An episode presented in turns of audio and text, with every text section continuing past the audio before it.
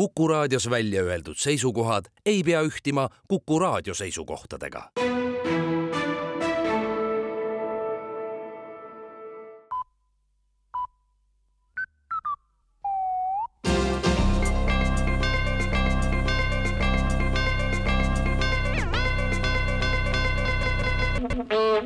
uudised on eetris ja stuudios Rohke Develak õpetajate streigi lõppemise järel on alanud valitsuses kiire töö selle nimel, et vajaminev raha erinevate ministeeriumite eelarveridade vahelt ka leida. summa suurus, mis vaja leida, oli esialgu viis koma seitse miljonit eurot, praeguseks viis koma viis miljonit, ent raha ei lase ennast leida kergesti. et mitte seekord õpetajate lootusi petta, on valitsus otsustanud palgata rahvusvaheliste kogemustega raha otsimise spetsialistid, kelle ülesandeks jääb leida igaks juhuks ümmargune kuus miljonit eurot. Vähempakkumise võitja on teada, ja teenus läheb riigile maksma kaksteist koma üheksa miljonit eurot valitsuse värske uuring aga näitab, et tegelikult on inimeste eluolu oluliselt parem, kui seda näitavad inimeste endi hinnangud. Eestis on arvukalt inimesi, kes väidavad, et nad ei ela oma sissetulekutega ära. uuring näitab, et suur hulk neist on seda väitnud kuust kuusse, paljud ka aastast aastasse, midagi aga ei ole juhtunud, inimesed on ikka elus. küll ei elata ära pensionist või ei elata ära töötu abirahast või ei elata ära toimetulekutoetusest, mõni ei ela ära sellepärast, et tal pole mingisugust sissetulekut, kõik seda väitnud on aga endiselt elus. see paneb ka valitsuse käsi laiutama, sest adekvaatne info puudub.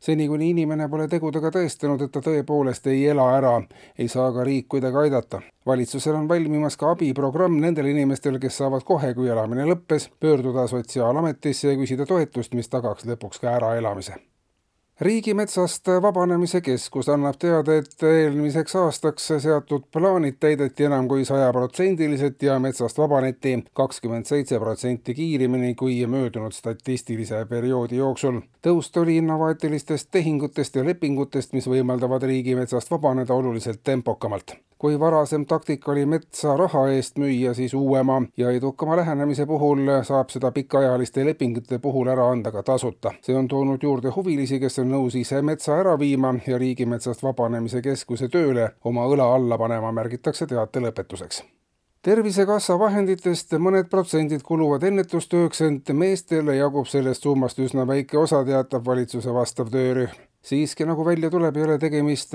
spetsialistide sõnul ka olulise probleemiga, sest mehed elavad niigi vähem ning suurem osa neist kas töötavad ennast surnuks või siis joovad ennast surnuks suurest kurbusest, et neil ei ole võimalik ennast surnuks töötada. tegemist on protsessiga, mida pole Tervisekassa vahenditega võimalik ka kuidagi suunata või ammugi peatada ja uudiste lõpetuseks ilmast. ilmajaama andmetel on täna Eestis valdavalt pilves selgimistega ilm. õhtupoolikul võib Põhja-Eestis hakata taevast tulema väikeseid poisse ja pussnuge. sotsiaalmajandusliku kliima tõttu aga võib väikeste poiste pilv seekord ka Eestist siiski mööda minna.